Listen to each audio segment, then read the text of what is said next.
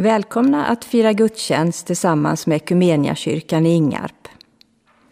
Vi hörde just vår psalmkör sjunga Låt oss få höra din stämma inom oss.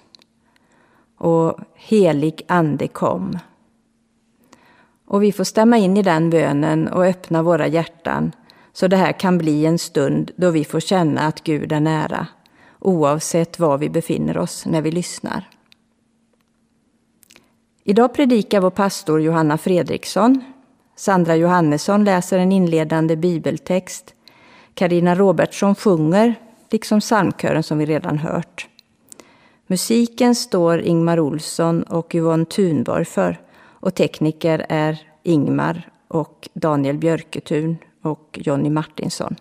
Och jag heter Eva Lomas. Temat för dagens gudstjänst är hoppfullt. Hjälparen kommer. Vi har just firat Kristi himmelfärdsdag. Jesus hade lämnat sina lärjungar men utlovat en hjälpare.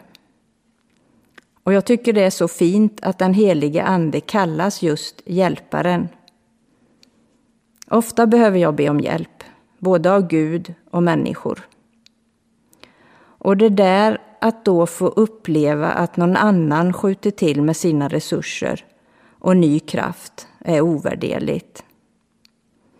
Häromsistens frågade jag en av mina grannar, tillika församlingsmedlem, om hjälp med att lösa en situation. Och svaret kom nästan omedelbart, utan betänketid. Vi vet ju hur det är, det får vi hjälpas åt med. Och för mig så var det verkligen förlösande ord, att inte allt hängde på mig längre. Min önskan är att jag och alla vi ska få vara hjälparens utsträckta hand i vardagen. Och till det behöver vi både lyhördhet och ödmjukhet. Nu är det ju så att det inte bara är hjälparen som kommer utan också sommaren. Och det är egentligen fortfarande vår, men vi ska strax ändå sjunga psalm 820. Över berg och dal som en mjuk koral drar sommaren över vårt land. Det är fantastiskt att se vad sol och värme gör med naturen nu. Under sången kan du som vill bidra ekonomiskt till församlingens arbete passa på att swisha en gåva eller så finns info på församlingens hemsida om man vill ge på annat sätt. Swishnumret är 123 298 0282 och det står förstås också på hemsidan. Vi ber innan vi sjunger. Herre, vi tackar dig för en ny möjlighet att samla våra tankar och öppna våra hjärtan inför dig. Jag ber om din välsignelse över dem som medverkar och var och en som lyssnar. Jag ber också att de pengar som samlas in får bli till välsignelse och nytta. Amen.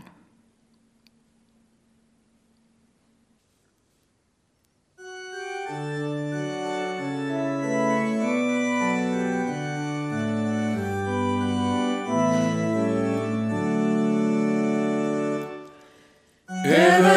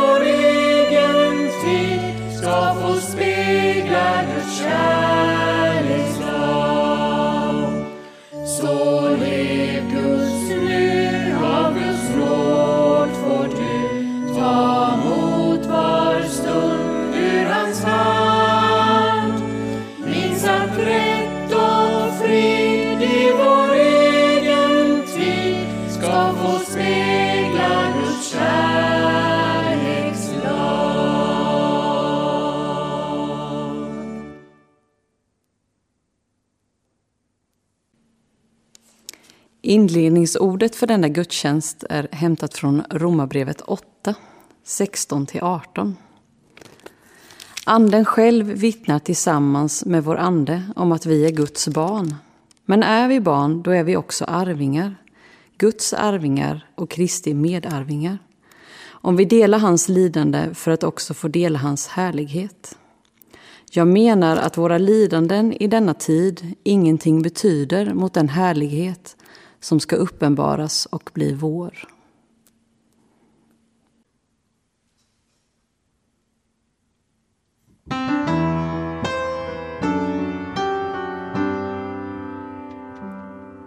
Har du hört de ord, de vackraste ord som skapats för hela vår jord?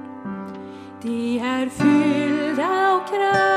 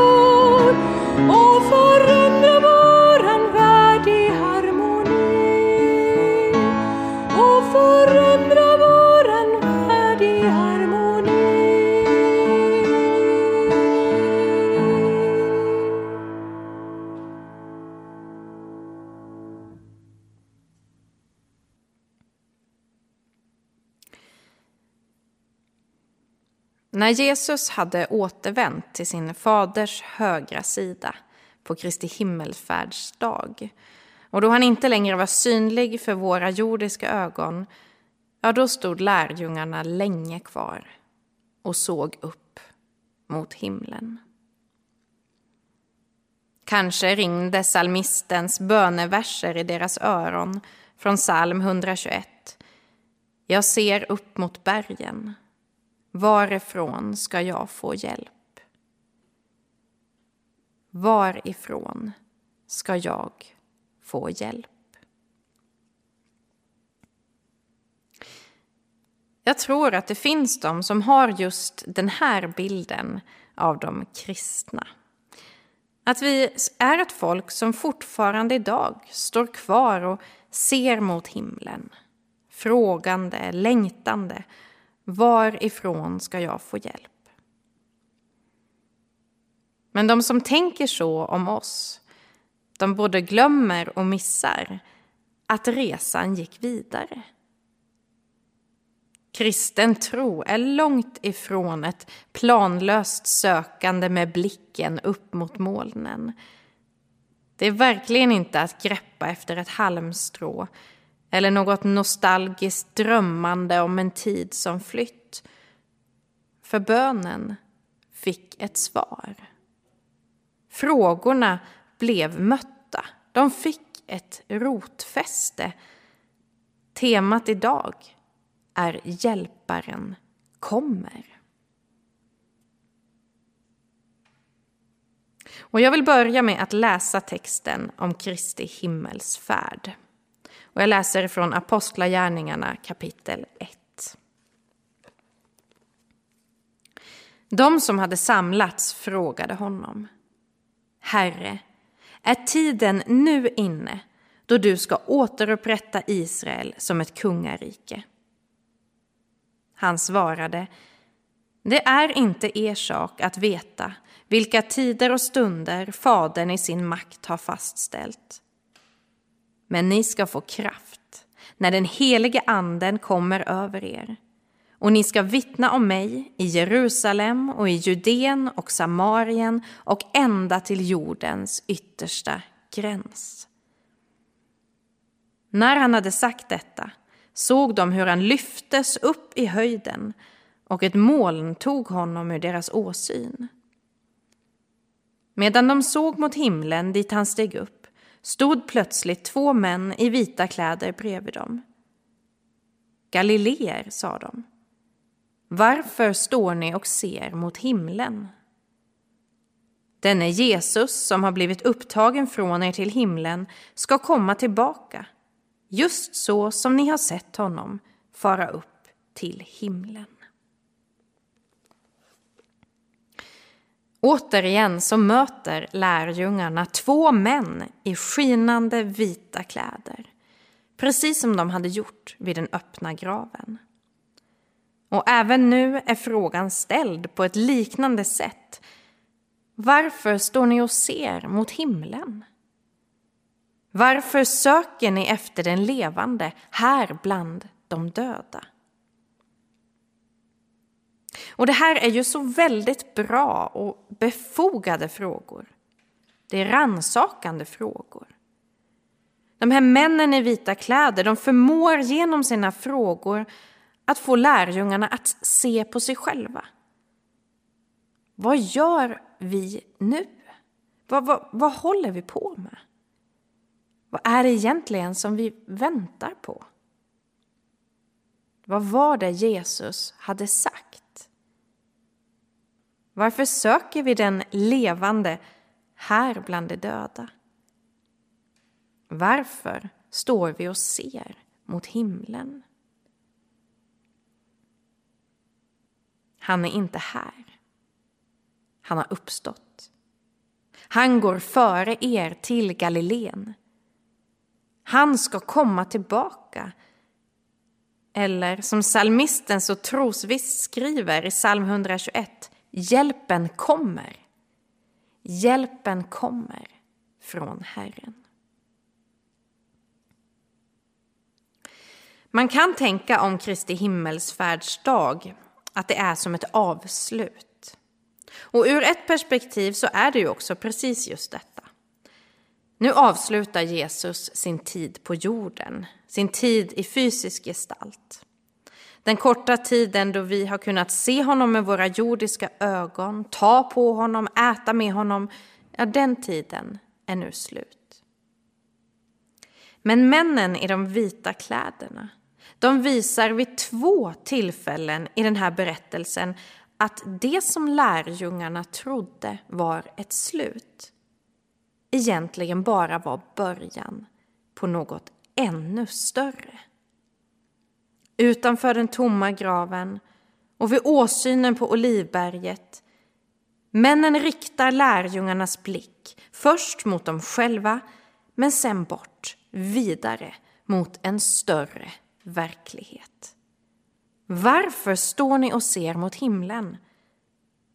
Han går före er till Galileen. Men därför är ju också den korta tiden som vi just nu befinner oss i, tiden mellan Kristi himmelsfärdsdag och pingst, därför är den oerhört förtätad, men det är också en viktig tid. Det är en viktig förberedelsetid. Det är en tid för de här frågorna, det är en tid för ransakan. Har jag förstått? Har jag förstått vad det är Jesus har gjort? Vad han gör mitt ibland oss? Varför står jag och ser mot himlen? Vad är det egentligen som jag hoppas på, som jag väntar på? Lärjungarna tog de här frågorna till sig, de tog med sig dem in på sin kammare. Det verkar som att de var rädda, de var osäkra inför framtiden och de stänger in sig tillsammans i ett hus inne i Jerusalem. De väntar, de ber, de processar. Och kanske reciterade de de urgamla hoppfulla orden, de löften som deras folk burits av under århundraden. Hjälpen kommer från Herren. Hjälpen kommer från Herren, han som har gjort himmel och jord. Eller som Sakarja skriver i dagens gammaltestamentliga text. Den dagen ska det inte längre finnas någon kyla eller frost. Det ska vara en ständig dag. Herren vet när den kommer. Och ingen växling mellan dag och natt, utan när kvällen kommer ska det vara ljust. Den dagen ska friskt vatten strömma ut från Jerusalem. Hälften mot östra havet och hälften mot västra havet. Sommar och vinter ska det vara så, och Herren ska vara konung över hela jorden. Den dagen ska Herren vara en och hans namn ett enda. Ja, Jesus lärjungar tillhörde löftesfolket. Det är folk som fått de här orden till sig. Och de visste sedan generationer att Gud är trofast. Men de visste också vad det innebar att lida och att vänta. I 400 år hade man fått vänta i fångenskap och träldom i Egypten innan Herren valde att höja sin hand. I 40 år fick man vandra runt i öknen, blickande upp mot bergen, undrande varifrån ska jag få hjälp? I århundraden fick man leva under främmande ockupationsmakter. Löftesfolket visste vad väntan innebar. Men också, eller kanske just därför, att det finns en enorm kraft i löftet. Och jag tänker att det är en skillnad på ett hopp och ett löfte. Ett löfte kan ju fungera som ett hopp. Men det är inte säkert att ett hopp också är buret av ett löfte. Men ett hopp som inte är kopplat till ett löfte, det är ju någonting ytterst osäkert. Det kan falla in det här vi hoppas på, men det man hoppas på kan också utebli. Jag hade till exempel hoppats hoppats att regeringen skulle öppna upp våra kyrkor för samlingar för länge sedan. Men det här var inget löfte, det är inget jag kunde lita på. Det var inget vi hade blivit lovade. Men det Jesus säger, det som Gud säger, det är inte i första hand bara ett hopp. Andra som ser oss kristna och som uppfattar att vi är de som fortfarande står där och ser mot himlen, de tänker nog att ja, de kristna, de har ett hopp. Och det är ju sant. Men vad de missar, det är ju att vi har mer än så. Vi har ett löfte. Vi har ett löfte från honom som är i evighet trofast. Vi har ett löfte ifrån honom som är densamme igår, idag och i evighet och som har bevisat sin kärlek till oss genom att besegra döden för vår skull.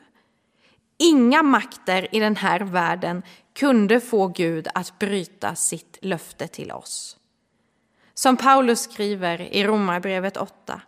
Ty jag är viss om att varken död eller liv, varken änglar eller andemakter, varken något som finns eller något som kommer, varken krafter i höjden eller krafter i djupet eller något annat i skapelsen ska kunna skilja oss ifrån Guds kärlek i Kristus Jesus, vår Herre. Så stark är Guds trofasthet mot oss, så oföränderligt är hans väsen. Och betänk då kraften i hans löften. Varför står ni och ser mot himlen? frågar männen. Ni har ju löftet. Ni har ju löftet ifrån Jesu egen mun. Ni vet vad som ska hända. Ni vet att han ska komma åter.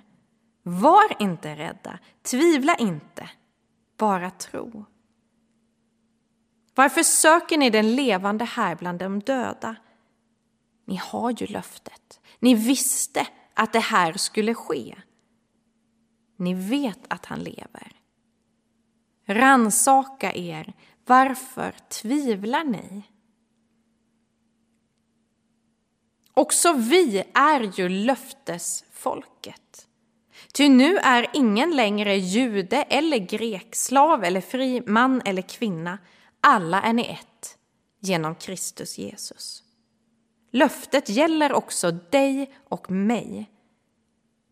Hjälpen kommer. Hjälparen kommer. Det är inte bara ett hopp. Det är starkare än så. Det är ett löfte.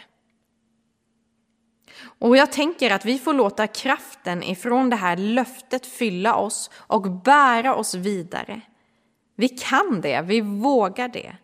Vi kan lägga vikt på det löftet och vi kommer få upptäcka att det bär. Och Sakarja skrev att den dagen, när vi upptäcker hur det här bär oss vidare framåt, den dagen ska friskt vatten strömma ut från Jerusalem. Vattnet är ju en bild för den helige Ande. En bild för Guds kraft i världen och i oss. Och det vi ser vid pingsten, det är ju hur den här kraften manifesterar sig på ett fantastiskt sätt. Men liksom vi har sett tidigare så är inte det här en slutgiltig manifestation, ett avslut på någonting stort. Nej, det är ju en början på någonting ännu större. Från och med pingstdagen så strömmar det friska vattnet från Jerusalem genom lärjungarna, genom tron på Jesus och hans löften ut, vidare ut i hela världen.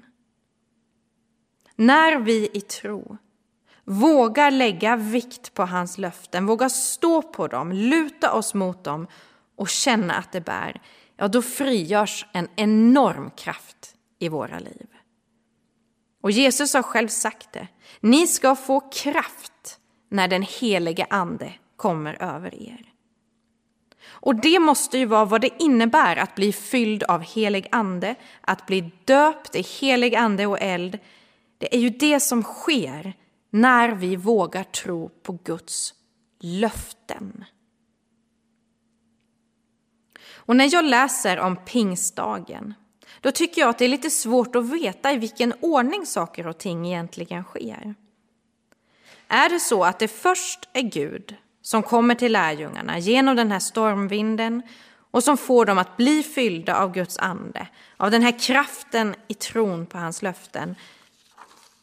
Eller är det minst lika mycket också tvärtom? Tänk om det var så att lärjungarna bad och de bad de ransakade sig, de sökte i skrifterna, de processade det här som de hade blivit vittnen till. Och så plötsligt gick det upp ett ljus, de förstod, de kände, de såg att det här är verkligen sant. De fylldes av tillit och hopp utan gräns och de visste, plötsligt insåg att Guds löften är verkligen löften. Det gäller också dem, tillsammans och var och en. Jesus är inte långt borta, han är ju här, genom sin ande. Hans kraft är inget som vi väntar på, den finns, den verkar, den lever här och nu. Vi behöver inte stå och se mot himlen, vi kan gå ut, vi kan gå vidare i kraften av Guds löften. Tänk om det i lika hög grad var den här insikten, den här vissheten som utlöste stormvinden, dånet från himlen.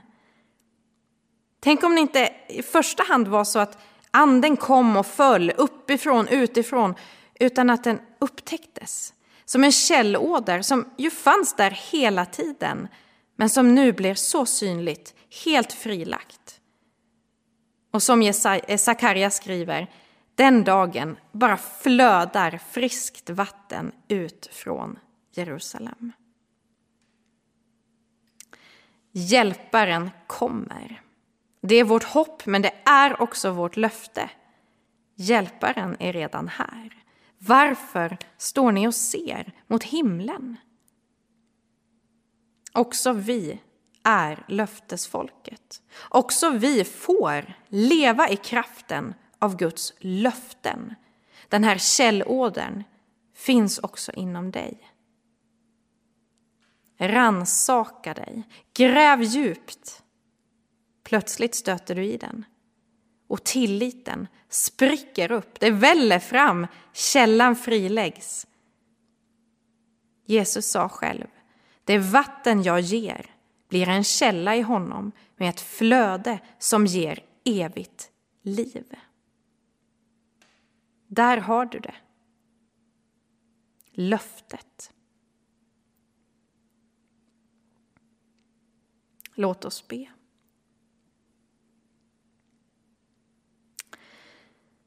Herre, vi tackar dig för det otroliga hopp som vi har i dig. Men tack för att det du ger inte bara är ett hopp om något vi inte har sett och hoppas på, utan att det är ett löfte. Tack för att det är en klippa. Det är någonting som bär att luta sig mot, att bygga sitt liv på. Herre, vi ber att du ska frigöra den kraft som du har lagt ner i våra liv. Att vi ska få se mer, upptäcka mer av vad du gör och vill göra i våra liv och genom oss, genom vår gemenskap, vår församling. Herre, tack för den här tiden som vi lever i nu och för det fantastiska budskapet. Hjälparen kommer. Hjälparen är redan här.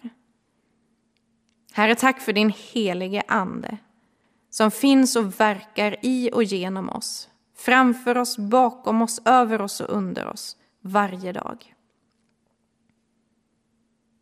Herre, vi ber om ditt beskydd över oss, din vägledning i vår tid, i vår vardag, överallt där vi lever våra liv. Välsigna oss i ditt namn. Amen.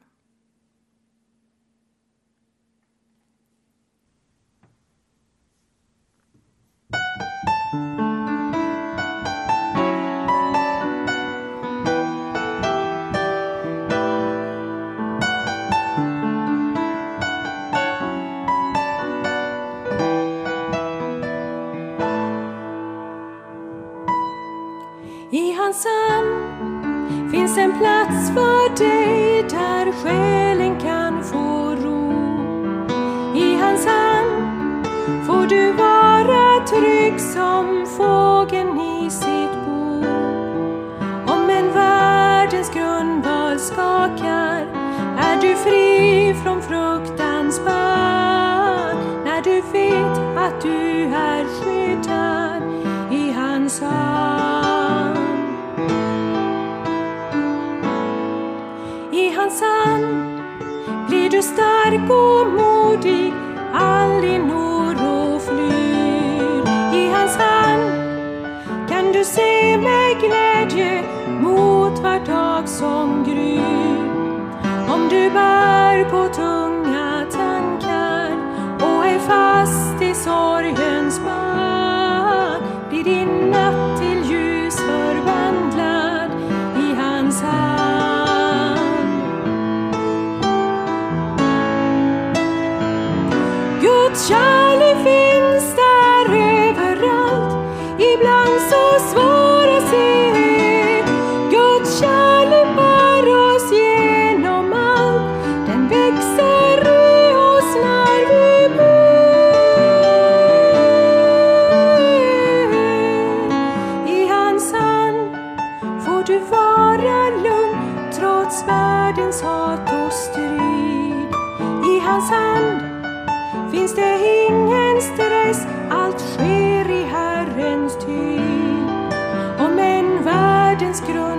skakar är du fri från fruktan?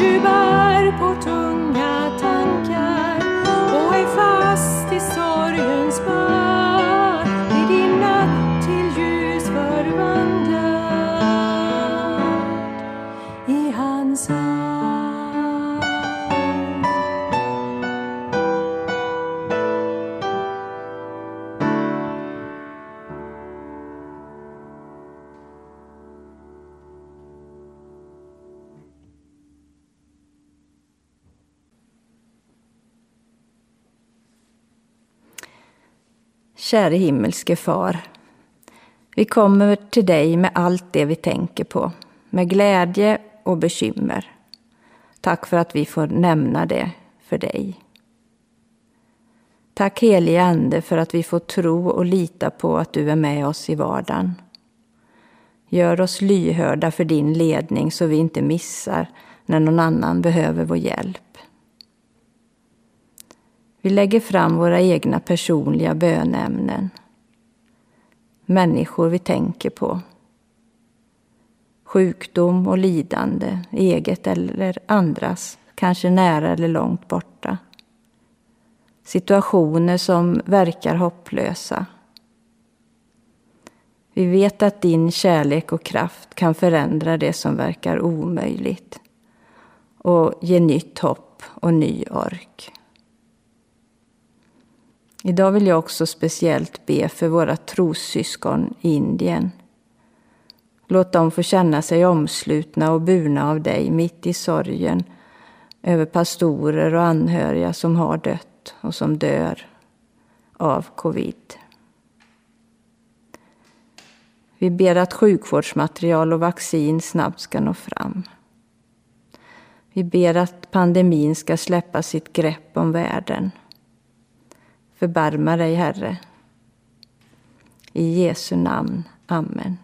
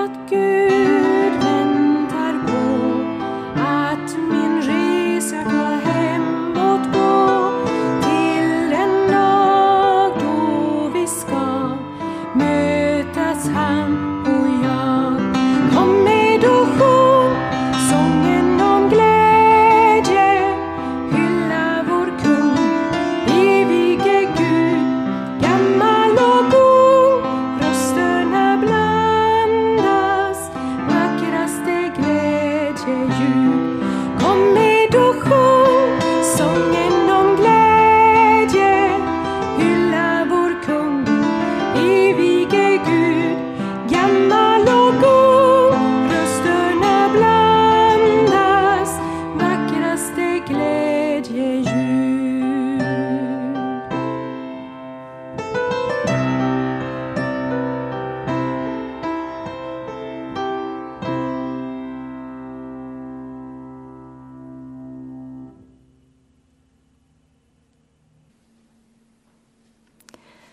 har vi lite pålysningar för veckan som kommer. På måndag är det scouter i vanlig tid. Eh, på torsdag så eh, möts bokcirkeln klockan sju här i kyrkan. Boken som tas upp då är Om Gud och allt annat. Nästa söndag är det familjegudstjänst och den kommer att livesändas med bild. Du hittar länken till gudstjänsten på församlingens hemsida eller möjligen på Facebook. Och det kommer också gå att titta på den i efterhand. Vi avslutar strax gudstjänsten här med att lyssna på välsignelsen. Men innan dess vill jag tacka alla medverkande, inklusive tekniker, som möjliggjort den här sändningen. Tack också till alla er som lyssnat. Nu får vi ta emot välsignelsen.